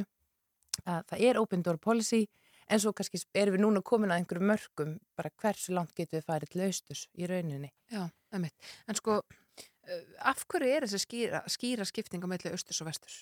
Er ekki einhvern veginn það pínlega búið að sanna sig að það eru mistök bara? Það er alveg bara rosalega hérna, viðegandi spurning að bara hvort er við kannski að horfa svolítið á heiminn gegnum einhver svona gamla kaldastriðslinsu frá austur til vesturs uh, og hérna hún er kannski svolítið úreld uh, eins og hún hérna Ann-Sofí uh, hérna, sendi þær að Finnlands benda á í nýlu viðtali bara, heyrðu, er þið ekki svolítið svona úrildar hugmyndar, hugmyndur um einhverja áhrifasvæði sem er í rauninu kannski bara ólíðandi nútíma heimi og hérna ég hugsa við getum öll sett okkur þau spóra ef við værum frá einhverjum af þessum löndum sem eru þarna á ski, fleka skilum austus og vestur og það væri einhvern veginn verið að setja upp þannig að okkur var ætlað að vera eitthvað bufferzone mm. að sennilega ekkert okkar myndi vilja bú í landi sem að örlug þess lands og, og fólksin sem í því landi byggja væri að vera á okkur hérna hlutlösu svæða millir austus og vesturs, af því að svo er þetta ekki bara austur og vestur, þetta er líka norður og söður og hérna við svona, þetta er kannski svolítið einföldið og úrelt linsa til að horfa hlutin í gegnum mm, einmitt. En heldur að, að sé þá komið einmitt að því að allarsbandalæðið taki ekki inn fleiri þjóðir að, að, að einhvern veginn það sé núna bara hérna e, ja, sátt með stöðuna eins og hún er og, og, hérna, og, og þóri ekki að, að fá einn þjóðir eins og Úkrænu Það er eiginlega alveg ómögulegt að segja til það. Og ég er náttúrulega ekki starfandi fyrir allanshalsbandalæð og hérna þú veist ég fylgist auðvitað með hvað er að gerast þar. En hérna um, þú veist það hafa alveg komið tímapunktar í tilvist þessa bandalags að hérna það sem hafa komið svona grísust auðvitað bara eins og heimurinn er það er alltaf eitthvað að gerast og hérna þú veist Berlinamúnur fellur og, og Sovjetveldin líðendur log og hérna svo verða árasnur og tvíbratörnana og þú veist, snemma á, í upphæðu þessar aldar ganga, þú veist, kemur gomma af, af löndum inn í spandalæð, þú veist, Eistræsaltið og Rúminni og Búlgari og svona, þannig að það er alltaf verið að stækka og, og hérna, og það er bara, já, alls konar, þú veist, bara heimurinu fullur af krísum, þannig að ég held að það sé ekkit endilegt að segja, NATO muni ekki, þú veist, þetta verði endilegt vendipunktur, en þetta er alveg vissulega algjör krísa að vera með stríð bara, á, bara við landameri NATO og Evrópusambatsins, þannig að Já, já. Sko, þetta er pinlega flóki, það hafa að sem margir einhvern veginn kallast því að NATO stýi inn í þetta stríð með beinum hætti, með vopnum, með uh, sko að halda út eitthvað svona hérna uh, fluglausu svæði, no flight zone og, og svo framvegis, en, en það gengur ekki því að þá gerist hvað? Í rauninni, sko, Úkræna er ekki í NATO Nei. og er þar með ekki, sagt, undirvernd 50 greinar hérna, Washington sáttmálan sem en, er bara En mætti NATO ekki hjálpa? NATO mætti alveg hjálpa uh, og löndin sem að tilhera NATO mega vissulega hjálpa uh, en það sem að gerist eða gæti gæst síst, það sem fólk er að spekulera hérna, með þetta flugban í rauninni að, að loka lofthelginni fyrir Úkrænu til að vernda Úkrænu fyrir loftáru sem rúsa er að uh, þá þarf einhver að vakta þessa flughelgi. Það er ekki hægt að bara lýsa því yfir heyrðu við ætlum að hérna loka flughelginni yfir, NATO, nei, yfir hérna Úkrænu mm -hmm. heldur þarf einhver þá að koma og skjóta niður rúsneska flugvila sem brjóta þá flughelgi. Og þá erum við komin í þar aðstæðir að þú ert komið kannski NATO-land eh, sennilega er þetta annarkvæmt bandaríkinn, Breitland Frakland, eitthvað að löndun sem er með svona fyrir eitthvað sterkar flugherri eh, að skjóta niður rúsneskar hérna orustu þóttur og þá erum við bara komin í beina átöku milli Vesturlanda eða NATO-ríkja og Rúslands og það er eitthvað sem maður kannski engin vil sjá bara með það í huga að þetta eru hérna sikkvort eh, ansvegar Rúsland og svo hérna Bandaríkinn, Frakland og Breitland sem er öll kjarnorkofn mm -hmm. og Pútin er búin að gefa það frekar skýrt í kynna eh, að svona að hann mun ekkit setja við bara hef, við hefbundum vopn. Mm, og hérna og kannski svona bara að, veist, í framhalda því að það er þetta náttúrulega líka flóki bara út frá bara, bara kerfinu sem við byggðum eftir lóksetni heimstöldar sem bara saminu þjóða kerfi. Og þar er Rúsland eitt af löndunum sem á sæti í öryggisæðu saminu þjóðana Sist, löndin sem eru þar eru Kína, Breitland hérna Frakland, Bandaríkina og Rúsland löndin eru sem að koma út sem sigurvegarar úr setna stríði og eiga það líka sameil þetta er lönd sem eru eiga ofinberla kjarnarkofn og eru samanbundin í hinnum ímsu samningum um kjarnarkofn mm. og á það neitunumvald þannig að það, veist, þetta er alveg svona hérna, þetta er mjög flókið sko. Já, já, einmitt. Það við hefum fréttur að því gæra að sko hérna að ukrainsk stjórnvöld fullir því að, að rúsneski herin hafi gert þess að sprengja ára svo leikus í Mariupol þar sem alltaf 1200 seglusir borgarar höfðu fundið sér skjóli eins og snæru snemdi að náðan þá byggja ukrainsk stjórnvöld um einhvers konar flugbann Já. og hafa líka beðum um meiri stöðning e, alltaf þessars bandalagsins og að ganga í bandalæðið er bandalega einhver leita að bræðast úgrænu fólki? Þetta er hérna mjög viðkvæm hápolítisk spurning um, það er rauninni kannski það sem er erfiðast held ég að horfa á þessu er að auðvitað, bara þannig stríðgangi það verða hérna í rauninni beina skótarásum að almennum borgurum sem gerist í öllum stríðum, það gerist, það hefur gerst í Sýrlandi, Írak, Líban, bara í Líbi ég segi um, og það sem er kannski er erfitt, ég heldur sem núna að horfa á bara Selenski og úkranska þjóðun er átt að segja bara já, við erum ekki kannski að fara að fá neina hjálp nema í formi þú veist, vopna mannúðrast, við erum ekki að fara að fá neitt bein, her, beinan hernaðlegan stuðning í formi aðgerða já.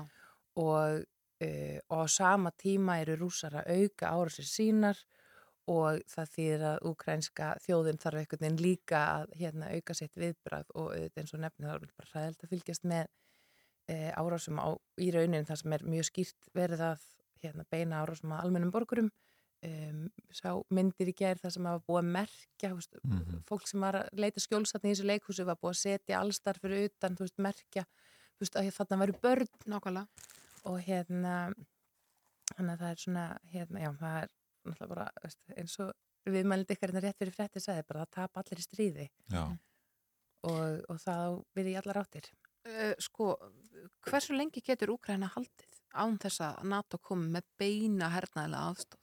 það sem ég óttast í augnumlíkinu uh, er að uh, það er hérna rúsneski herin er að auka sinn hernað, er að koma inn með alls konar uh, málaliða sem eru bara enga, enga hermenn en til er ekki rúsneska ríkinu beint. Uh, og uh, þegar að Úkraina kannski fer núna þetta í einhverju örvendingu og fer að átta sig á að hérna, það er ekki komin inn utan að koma til hjálp þá versnar stríðið og, hérna, og, og kannski eitthvað sem fólk hjálta er bara nokkra vikur stríði, geta orðið nokkru mánuðir. Mhm. og þó sem ég svona allan að eins og þetta horfið mér núna er ekki líkur að Úkræna þetta einhver, einhvers konar borgarastyrjöld en það er eitthvað sem gerist oft ef við bara hérna horfum á innrásir sem hafa oft í staði síðan 20-30 ár að þá oft uh, ef að Rúslandi myndi takast að, hérna, að taka Selenski frá og hans ríkistjórn Mhm. Þá er eitthvað, þá eru komið eitthvað svona vakúm, hérna, eitthvað valda vakúm og þá fara hlutinir að, hérna, verða Einmitt. mjög flóknir. En það gerist ekki nema þeir bara myrðan. Já, það, já, akkurat. Það er bara þannig. Emitt. Eh, Við höfum talað eins um svona viðhorf til eh, bandalagsins. Eh, Við sjáum í, í skoðanakunnum að Íslendingar eru núna hlindari eh, NATO og reyndir Evropasambandinu en, en áður. Mhm. Eh, En hvaða, sko, hérna, hvernig heldur að þjóðir sem ekki er í bandalaginu uh, horfi á það núna, heldur að það sé breytt? Já, alveg, klárlega. Og hérna, allan ef við erum að horfa okkar nær umhverfi og þjóðir sem eru hérna, mjög tryggar banda þjóðir, allansars bandalagsins, eins og til að mynda Finnland og Svíþjóðir sem kom í, kom í ljós fyrir einhverju vikum eða bara rétt þegar að innráðsum var eiga sér stað, uh, eru í fyrsta skipti bara sögulega farnar er meiri hluti þjóðana farin að sína stuðning við að ganga í allansafsbandalagið þó svo að leiðtóð þeirra ríkja allan eins og hérna, Svíþjóð er búin að segja við erum svona hérna, við ætlum ekki að hlaupa inn en, en veist, halda áfram að vera bandaþjóðir allansafsbandalagsins og hún hérna Sanna Marín fórst svo að finna búin að segja þú veist þetta setur hlutina bara öryggis hérna uh, huglegingar eða landslæg öryggis í Finnlandi í allt, allt, allt annað mingi Já. þau náttúrulega eru nánasti hérna, þau eru bara Rússlandi. eiga 1300 km landamæri að Rúslandi þannig að það hérna þau hafa, svo vitt ríkin hafa áður ráðist inn í, inn í Finnland þó séu þetta komin þú veist, næstu 80 ár síðan en Mhm. meira kannski 39 Já. Einmitt. Þannig að hérna, og önnur lönd náttúrulega, og Georgia sem hefur veist, komið oft upp til tala sundarfarnar vikur sem að líka hefur sínt áhuga uh, og er í rauninni kannski svolítið svona keimlíkt dæmi og Úkraina af því að rúsar hafa verið að skipta sér af í norður hluta Georgi um, og uh, Georgia er bandaþjóð, bandaþjóð allansans bandalagsins líka. En upplifur þessa yfirlýsingu, eða já, þessi svona ummæli Silenski sér gærum að Úkraina sé ekki á leiðin inn í alltaf samsbandalæðið, upplifur það sem sko um, að, hann, svona, að hann upplifi NATO einhvern veginn ekki sér nógu vinnvætt. Er þetta hérna, ef þú ert ekki vinnu minn þá ertu óvinnu minn? Nei, ég held nú ekki. Og ég hefndi svona kannski fara varlega í að lesa það þannig en ég held að hann sé kannski meira bara svona átta sig á því bara, hún er meira verða að ljós bara hvaða hjálp honum stendur til bóða og hérna og kannski verða til þess að veist, núna fljótlega kannski bara fyrir hann að hætta að að byggjum ákveðna hluti, veist, hann er bara eitthvað, já, ok, nei, veist, bara NATO er, NATO er bandalag þjóða sem eru inn í bandalaginu og hérna, og, En er, er Rúslandsforsetta þá að takast að að halda Úkrænu mönnum um, já, frá bandalæginu? Af, af vissu leiti, já, algjörlega, að, hérna, og þó svo, þú veist, þú veist, það er ekkit endilegt að segja þetta sé eitthvað svona svartkita, hérna, að þarna sé Úkraina að verða við einhverjum kröfum frá Rúslandi, alls ekki. Uh, og stríðið er ekki að fara að hætta þó svo að, Selenski sé kannski að senda einhver ákveðin skilabóð í, með þessu í gær. Um, en hann er líka bara, þú veist, hann er bara leiðtói landi sem er í stríði við einn af stæðistu herjum í heimi Já. og hérna það er ekki öfundsverð staða að vera í þannig að hann þarf veist, að stíga mjög mjúklega til fóta einhvern veginn til, til jarðar í rauninni Já. Það er rétt Brynni Óskarstóttir, öryggis og varnamálasérfræðingur. Takk kærlega fyrir komuna í morgunútarpið. Við ætlum að ræða hér uh, búsötu eða húsnaði fyrir ósakaft fólk sem að hugmyndir eru komður upp um að verði í uh, Reykjanesbæ. Já, já, einmitt. Og, Ræði- hér, já. já, já, og í lók þáttar þá ætlum við visslega að ræða e, veður og færð. E, Einar Sveinbjörnsson, veðurfræðingur vegagerðarinnar, er hjá, hér á vefrúfa að segja að dagurinn verði reynlega bara harla erfiður, sérstaklega á vestanverjulandinu. Það gul veður viðvörunni gildi allstaðar. E, veðrið hefur svona skánað í bíli vestanlands. Hitin komin yfir frostmark og ekki lengur hríð en við svona fylgjast vel með þessu. Einmitt. En hér eftir skamastund uh, frétta yfirlitt.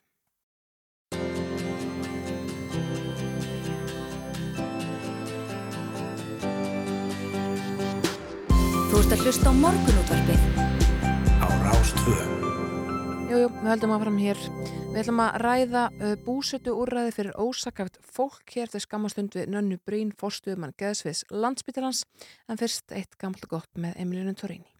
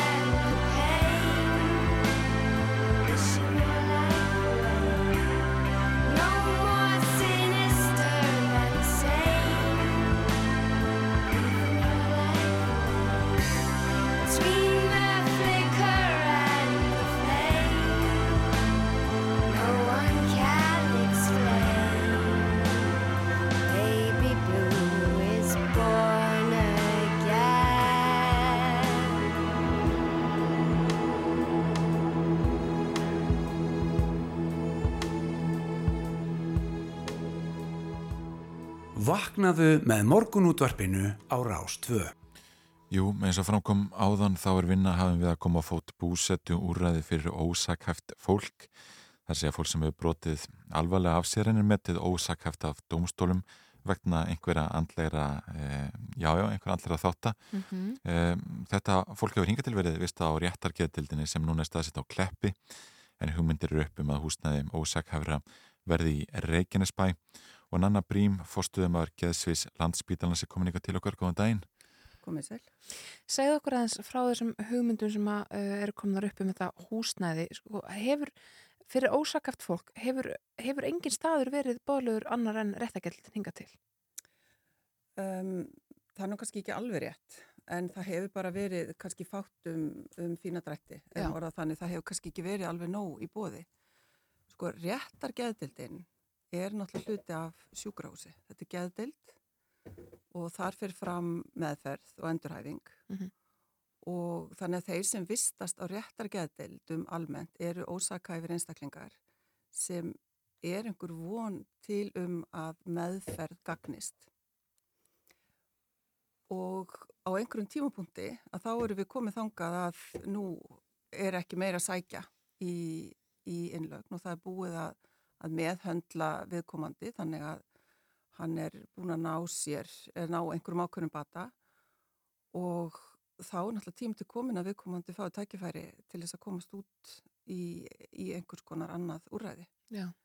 Og, og vandamáli hefur verið að það hefur verið allt, allt og lítið til af þess konar úræðum sem þýðir að fólk sem þarf ekki lengur að vera innlagt á réttagetild að því verðum að hafa í huga að það er mjög íþingjandi. Þetta er, þetta er bara eins og vera innilikjandi, þetta er bara sjúkrahús. Mm. Mm -hmm. Versus það að vera kannski í búsötu þar sem ert með þína íbúð og ert með, ert með náttúrulega stöðning og, og sum, fólk mun þurfa mismikla svona öryggi skæslu en það er náttúrulega allt annað handlegur. Já. Þannig að það er, það er gríðilega mikilvægt að það sé til eitthvað næsta skref, eitthvað almennilegt, örugt, næsta skref fyrir þennan hóp sem, sem þarf til að byrja með á á meðfrahalda á réttargetild. Mm. En nú er, er sko á réttargetild eru einstaklingar sem vissulega hafa brotið af sér en e, á það ekki við öllum tilvökum en, en eru vistaðir þarna og metnir ósakhafir. E, sko er, er algengt í löndunum kringum okkur að, að sé húsnæð og eitthvað sem grýpur þessi einstaklinga þegar þeir hafa lokið, lokið sinni refsingu eða sinni betri bótum? Já, bara sambarlegt og, og það sem er hugsað á, á hérna á Reykjanesi. Já. Þannig að við erum í rauninni,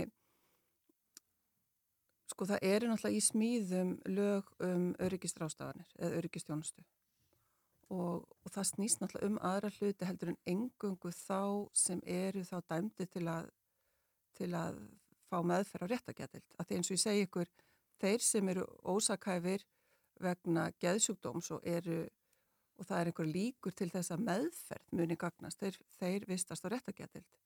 En þeir sem af öðrum ástæðum eru ósakæfir og eru ekki, maður sér ekki fram á einhver meðferð muni breyta einhverju, að þeir þurfa, svona, þurfa líka á einhvers konar öryggisvistun að halda. Mm -hmm. Þannig þetta er ekki engöngu hugsað sem búsitu úrræði fyrir þá sem hafa verið réttagetild. Heldur bara fyrir, þetta er bara öryggisvistunar úrræði almennt. Mm -hmm. Sko hvað þarf svona hús að hafa til þess að, að það sé örygt þeim sem þarf búa og uh, umhverfinu? Sko hvers konar öryggi þarf að vera og, og starfsmenn og svo framvegs, veistu það?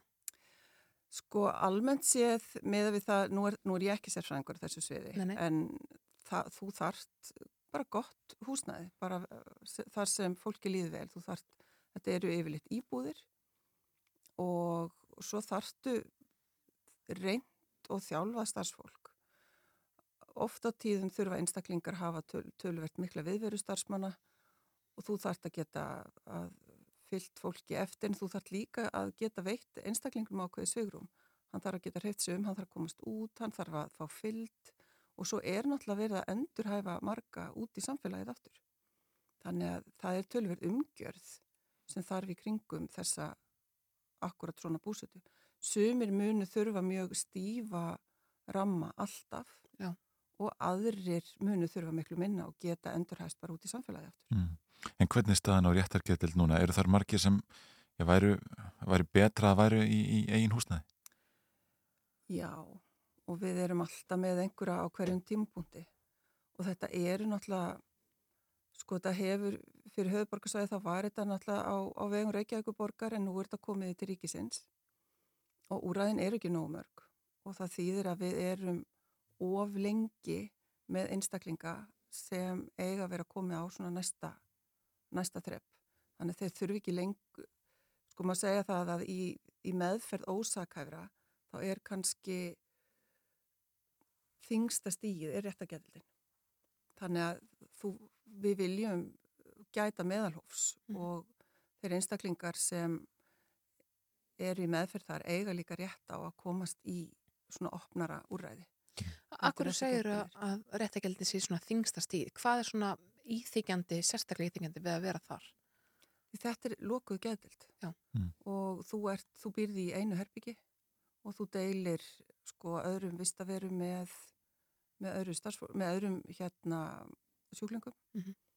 Og það er, það er bara mjög stífir rammar og þetta er náttúrulega allt annað heldur en að vera með sína eigin íbúð þó svo að þú sért með starfsfólk sem stiður við þig og þú hafið kannski ekki alveg fullt frelsi að það er náttúrulega bara allt annað handlegur. Mm. En það er náttúrulega einhverju sem myndur segja, já, menn þetta er fólk sem braut af sér, það ætti að, sko, ef það væri ekki ósækjaft átti að heim í fangelsi, þú veist, er það ekki, er það ekki alveg þannig? Það, það gildir annað þegar þú ert dæmdur ósækjafir, vegna þess að þá, þá er litið svo á að þú hafir framið þennan, þetta afbrott og, og yfirleitt er þetta sérsagt bara alvarlegir ofbeldis atbyrðir, Mm -hmm. afbrott vegna geðsjúkdóms að þú hafir ekki í rauninni verið ábyrður gjörðaðina vegna geðsjúkdóms Mhm. og ef hann er meðhöndlaður og þú færð fulla meðferð og það sýnir árangur og, og það, næst, það nást tök á þessum gerðan að vanda að þá lítu við svo á í okkar þjóðfélagi að þá eiga einstaklingar rétt að því að fá endurhæfingu og endurhæfast út í samfélagi aftur. Mm. Og kannski, kannski ekki sko mikil ógn af þeim lengur ef, að- ef meðferðin hefur gengið vel. Það er, mati gengur náttúrulega út á það og réttagetildinni líka hversu mikil ógn stafar að viðkomandi einstaklingi Mhm. áfram og það eru náttúrulega þú vistast á réttagetild eftir alvarlegan glæp þar sem er öryggisókn og svo er, með, fer, fer, er stíf með, meðhöndlun og endurhæfingi gangi og svo er, er viðkomandi ekki útskrifaður nema maður sjáu náttúrulega að viðkomandi er ekki öryggisókn leikur. En heldur að samfélagi sé tilbúið í þetta að, að þessar einstaklingar já, búið við hliðnaði? Það hefur náttúrulega verið þannig lengi vel. Það er hann hafa náttúrulega verið úrræði viðsvegar og, og ég held að ég, já, ég held það. Ég meina við höfum ekki, sko það, það hafa ekki verið einhver vandræði út af búsitu úrræðum fyrir, fyrir akkurat þennan hóp Nei. á þeim stöðum þar sem það hefur verið og þegar hlutir eru gerðir vel og vandlátt kynnt vel fyrir nágrunum að þá yfirleitt og það er einslan annars stað frá líka, þá gengur þetta bara vel og, og fólk er sátt. Kannski bara rétt í lokin hann myndi þetta, svona, þetta auka húsnaði, myndi þetta breyta miklu fyrir uh, réttagetildin, myndi þetta létta álæður? Já, en fyrst og fremst þá myndi þetta gera mikið fyrir þann hóp sem er komin á þann stað, hann þarf ekki að það lengur. Já. Þannig það, mun, það, mun, það er það sem skiptir langmestu máli fyrir okkur. Mm. Nanna Brín, forstu maður Geðsviðs landsbyttilans, takk kærlega fyrir komuna í morgunúttarpið. Takk sem leðis. You used to call me on my You used to, you used to Yeah You used to call me on my cell phone Late night when you need Call on my cell phone Late night when you need my love And I know when that hotline blink That can only mean one thing I know when that hotline blink That can only mean one thing Ever since I left the city, you got a reputation for yourself now. Everybody knows and I feel left out. Girl, you got me down, you got me stressed out. Cause ever since I left the city, you started wearing less and going out more. Glasses of champagne out on the dance floor. Hanging with some girls I never seen before. You used to call me on my cell phone.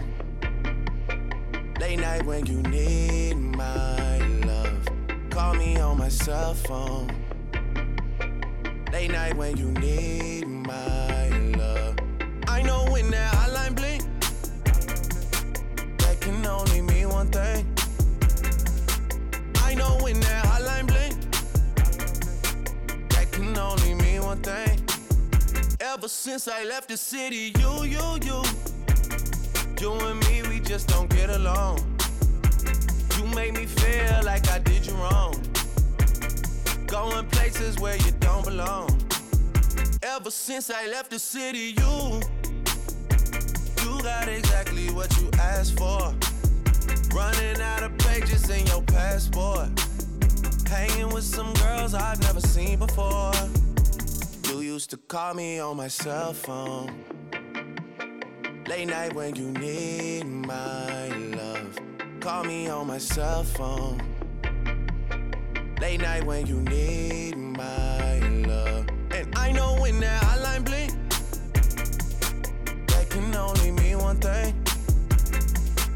I know when that hotline blink, that can only mean one thing. These days, all I do is wonder if you're bending over backwards for someone else. Wonder if you're rolling up a backwards for someone else. Doing things I taught you getting nasty for someone else. You don't need no one else. You don't need nobody else. No. Why you never alone? Why you always touch and roll?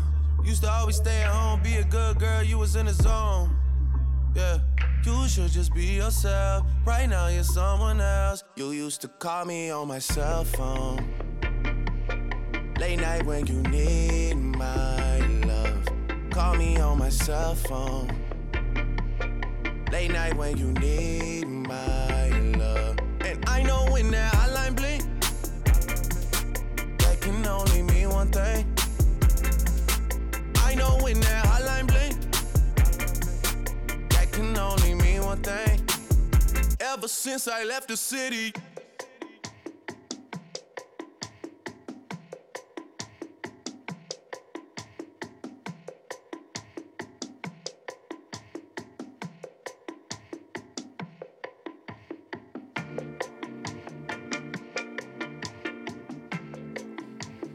Jú, jú, Hotline Bling með Drake, þetta er svona hressandi þar fyrir að nálgast helgina. En það er, eh, já líka hressandi, það er gul veður viðverðinni gildi á öllu landinu í augnablikinu og Einar Sveinbjörnsson, eh, já veðurfræðingur hjá vegagerðin er komin á línuna, góðan daginn. Góðan dag. Hver er staðan á veðrinu núna? Já, staðan er, er svo að eh, hann er svona heldur rofa til og lagast um Suðvestnaverðlandið núna í morgunumferðinni. Það er þó ennþá lokað vegurinn austu fyrir fjall, bæðum sandskeið, hellisegð og þrengsli og, mér skilst að það sé bíl sem þveri veginn en það á aðtóa með opnun um klukkan tíu. Svo er eins, e, það er eins lokað yfir Holtafræðiði og svo er orðið ofært á milli byggðalagana fyrir vestan, milli Patrísera, Táknafjörðar og Bíldudals. En hann er að skella á núna með setni háleikin í þessu með vestanáttina og það er, hann byrjar að belgja sig upp svo í Keflavík og, og, og þá fáum við yfir okkur jælja veður að nýju það kólnar og verður blind með köplum í allan dag. Þannig að það má ekki búast því að Reykjanesbröðin loki aftur eins og hún var í morgunsarið. Ég er kannski ekki viss um það að hún lokist aftur. Það er svona viðráðanlegra þegar er jæljagangur fyrir mjög samfælt snjókomi. Það verður, uh, það verður erfitt með öll ferðalög, jæmt innabæjar sem, sem hérna í kring og nú ekki um yfir fjallveginas og, og hérna ég er, ég er ekki viss um það að það takist opna, opna helliseiðina uh, í þessu gati sem að, sem að, sem að núna er. Það verður það, það blikt með þessum jæljum. Nei, nei, einmitt. En það er nú ekki algengt að horfa hér á kort veðurstofunar eh, og, og sjá að landið er allt gullt. Já, meira á minna. Það er, það er veður viðvörn, gul veður um, um, um landa allt og það er með, þessum, með þessari sérkynlugu læð sem er núna vestur að gafska og er enna dýfka. Það hefur náð að, að, að blása og snjóa um nánast allt er land.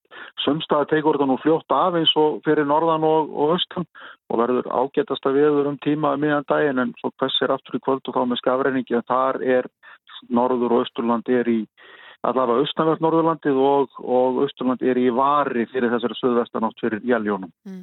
Það hljóma kannski eins og eins, eitthvað sem maður getur sagt sér sjálfur en hver er munurinn á því þegar að jél eru svona dimm eins og þeir eru að tala um hana, dimm um jéljum allt til morguns og þess þegar að það er bara svona venjuleg Já, jélin eru nefnilega allavega og, og þegar að þau koma hérna með söðvestanáttinni þá geta það verið mjög dimm ef þau eru, eru voldu, ef þau eru stórir og miklu klakkar og þá dettur skikni alveg niður í nánast ekki neitt í svona 5-10 mínútur og, og, og svo lagast það auðvitað á- í kjölfarið og á milli. Mhm. Já, já. Kannski svona rétt í lokin, það er alveg margir núna á, á leið til vinnu.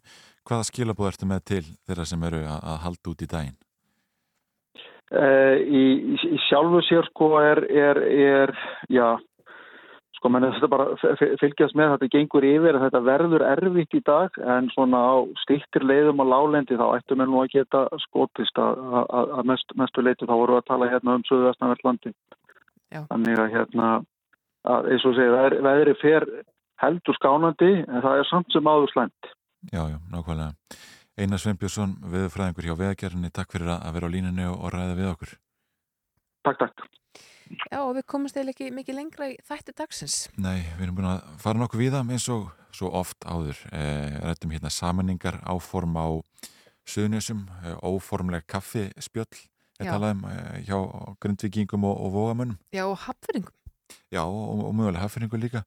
Eh, við rættum eh, já, um Úkrænu, eh, rættum bæði við Ásker Brynjar Torfarsson um eh, efnahagsþvinganir og viðskiptaþvinganir og svona efnahagsaðgerðir Já. og Brynjuhuld Óskarsdóttur. Einmitt. Svo töluðum við aðeins eh, við Sigurða Jónsson slökkvælustjóra á Ísafyrði um oljuleggana á Suðureyri sem að ég gengur bara bærilega vel að, að hérna, Merkilega vel. merkilega vel og sagði að náttúran var að hjálpa til að vera búið að vera stórstremt og svona þetta skólar, skólar öllu til sjó ég veit ekki hversu gáðult það er en þeir allavega, ég treyst þessum mönnum hana fyrir vestan Já, já, já, það er ákveðt að nefna það að það er að nálgast öll þessi viðtöl og, og, og margt fleira á VF Rúf. Einmitt. Og svo má senda okkur ábyrtingar á morgun útvarpið at rúf.is eða bara gegnum Facebook. Við erum eitthvað neginn online allan daginn. Snærafs og yngar þakka fyrir sig í dag.